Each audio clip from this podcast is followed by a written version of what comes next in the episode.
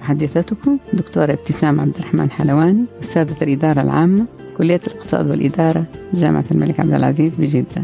أستعرض في هذا البودكاست مقالات كتبتها في الصحافة المحلية وتم تجميعها في أربع كتب نشرتها قبل عدة سنوات حيث أختار منها ما يتناسب مع واقعنا وأسعى مع المستمعين والمستمعات لمقارنة الحال بين الأمس واليوم بما يخدم الهدف الأساسي لكل موضوع. ولا الضالين صفر 1428 وربيع الثاني 1429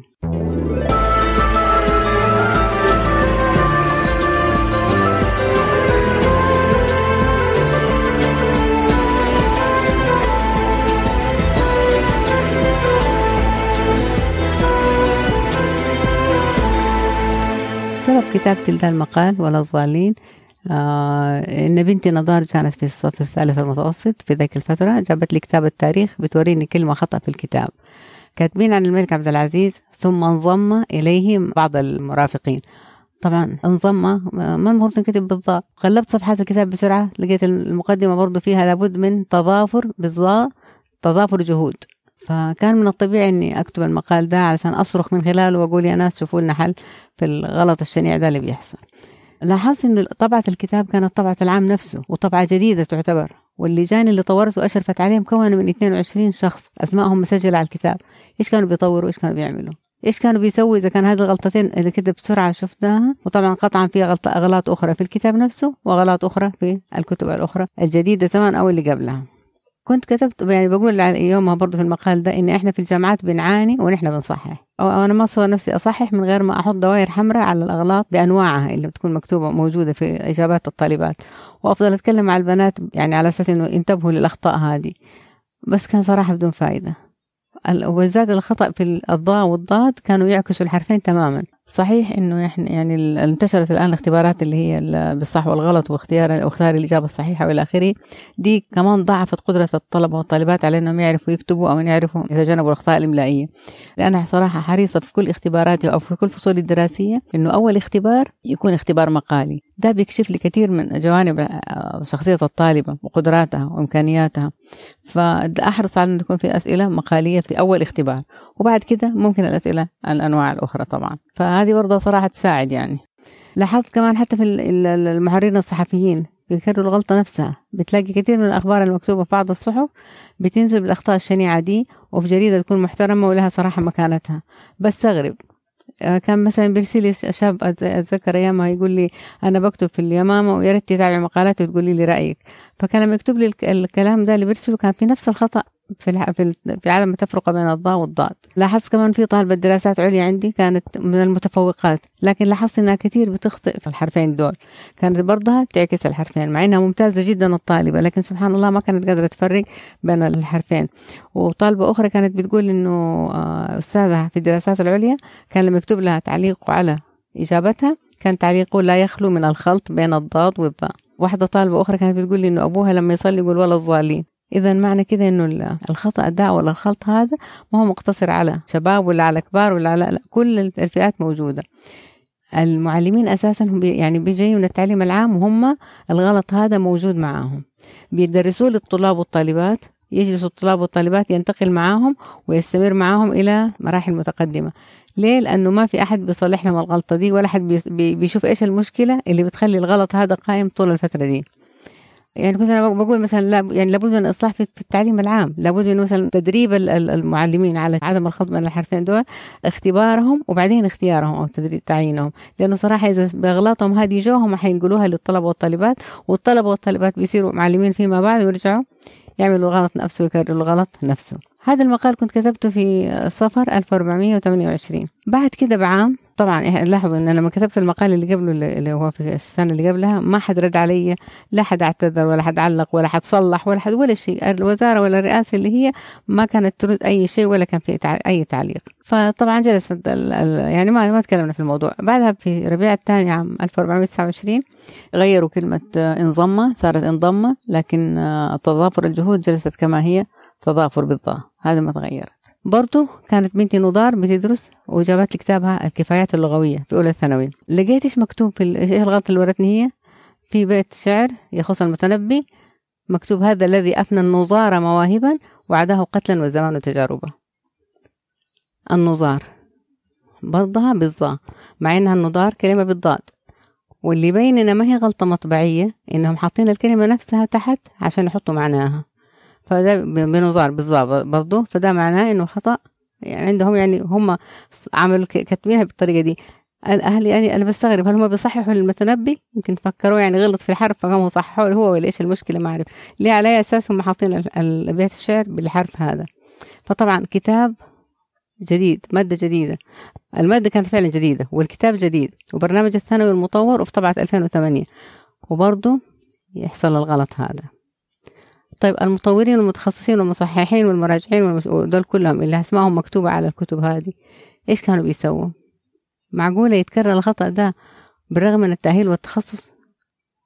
طب مين المسؤول عن المراجعة بعد المراجعين؟ إذا كان المراجعين دول بالمستوى هذا وبالطريقة هذه ليش بي بي بي بيستمر الخطأ ده؟ ليه ما يكون في ناس وراهم؟ يعني المشكلة أو الغريبة إنه هم يعني كانت الرئاسة ما ترد على أي انتقاد وبالعكس يعتبروه خطأ كبير في حقهم إنه أحد يغلط عليهم أو يقول أنتم بتغلطوا. طيب يعني يعني كان المفروض الاعتراف بالخطأ وكان المفروض يتلمسوا القصور وكان المفروض ينتظروا الناس إنهم يقولوا لهم هذا وهذا هذا غلط. لكن مشكلة الكثير من المسؤولين عندنا بيرفضوا النقد لدرجة إنهم يهملوه تماما. مهما كانت درجة صدقه مهما كانت أهمية درجة أهميته مهما كانت درجة خطورته كانوا أبدا ما يردوا ولا يعتبروا طب الطلبة والطالبات اللي حيتخرجوا بالأسلوب هذا وبالمعلومات هذه كيف حيكون مستواهم؟ وكيف حنحاسبهم بعد كده على القصور والتقصير؟ وهم ما, في ما لهم ذنب صراحة. طيب إحنا بنحط نفسنا في مواقف مخجلة أمام غيرنا حتى. يعني إيش التطوير اللي بنقوم بكل عام؟ إذا كن كل سنة بنغير التاريخ وبنغير شكل الغلاف ولونه ونكتب أسماءنا على الكتب والأخطاء كلها جالسة زي ما هي وأخطاء فظيعة شنيعة. قديش مبالغ بتدفع في التطوير؟ قديش وقت بيضيع في التطوير؟ قديش جهد بيضيع في التطوير؟ وهو التطوير إيش هو؟ هو مجرد إن إحنا نغير الغلاف من برا ونغير التاريخ ويمكن نغير لون الكتاب ونرجع نقدمه زي ما هو بكل البلاوي اللي جواته. طيب لاحظت أنا في ذيك الفترة كنت بقول يعني لما كتبت بقول إنه طبعا إحنا ما شفنا الكتب كلها وقطعا الكتب كلها مليانة بنفس الطريقة. لكن لما بقول إنه في دولة مجاورة لنا إمكانياتها محدودة ومع ذلك لما جات تطور مناهجها أرسلت فريق جلس في دولة متطورة ستة شهور وبعدين رجع عشان يطور المناهج في, البلد في بلده.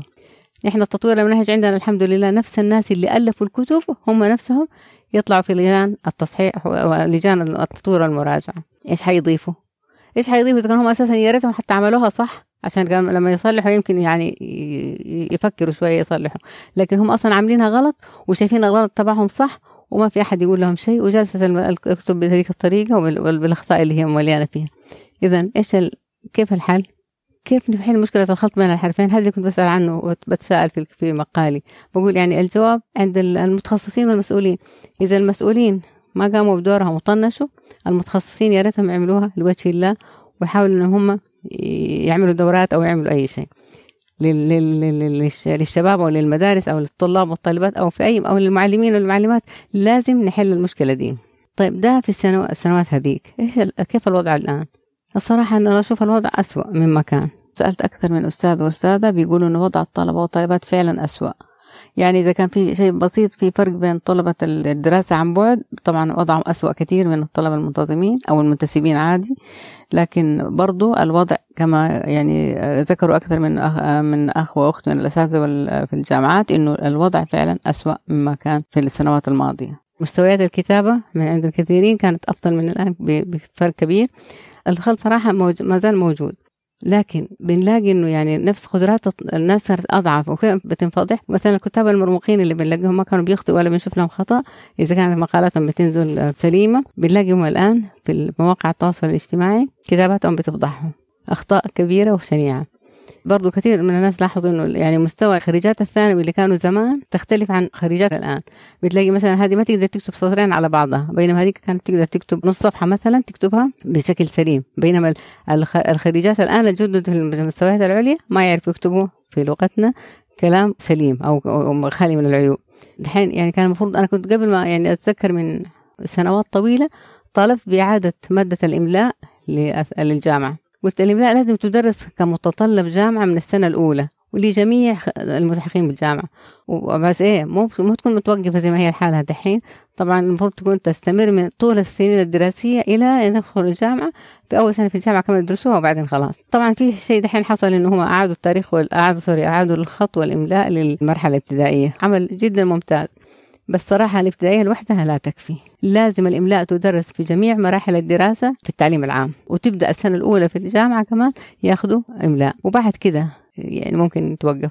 بس نكون أسسنا وصلحنا وحتى المدرسين صراحة يبغى لهم دورات. لازم المدرسين يتعلموا الشيء هذا. يعني إحنا بعد سنين من الآن بعد أتوقع بعد كم سنة خلاص حتضيع لغتنا تماما. وبعدين يعني الأخطاء الخلط اللي فيها ده حرف الضاد والضاء كمان ده مشكلة لوحدها كبيرة. لكن أنا صراحة ما أقدر أقترح فيها حل. قطعا الناس اللي هم تخصص لغة عربية المتخصصين الكبار في في المجال هذا يعرفوا كيف يعطوا قاعدة تفرق بين الضاد والضاء للناس اللي بيدرسوهم. عشان كده يعطوا يعملوها لوجه الله ياخذوا فيها أجر. لأنه إذا المجتمع أو الوزارة أو المسؤولين ما أو الرئاسة ما قاموا يقوموا بعمل المطلوب منهم. فمن باب أولى متخصصين اللغة يعملوا دورات يقدموها للناس عشان يفهموا على الأقل المعلمات والمتخصصين من الرجال المعلمين يعلموهم كيف يحطوا قاعدة للتفرقة بين الحرفين عشان لا يصير الخلطة. طبعا إذا عملوا الشيء هذا يعني يكونوا يعطوها دورات للمعلمين والمعلمات علشان المعلمين والمعلمات دول هم اللي يعني هم اللي في يدهم كل شيء لأنه الطلبه والطالبات صحيح نقدر نعطيهم القواعد بس الأفضل الآن إحنا نلحق المشكلة عند الكمية الكبيره من الناس اللي مليانة بالغ... بعدم القدرة دي اللي ما يقدروا يفرقوا بين الحرفين فنعطيهم القاعدة وبعدين ده نسوي حتى للصغار تقديرنا ولا ما أعرف إيش يعني الحل ده عند أساتذة اللغة العربية المتخصصين من الجنسين. ونتمنى إنهم يتجاوبوا معنا ويحلوا المشكلة دي.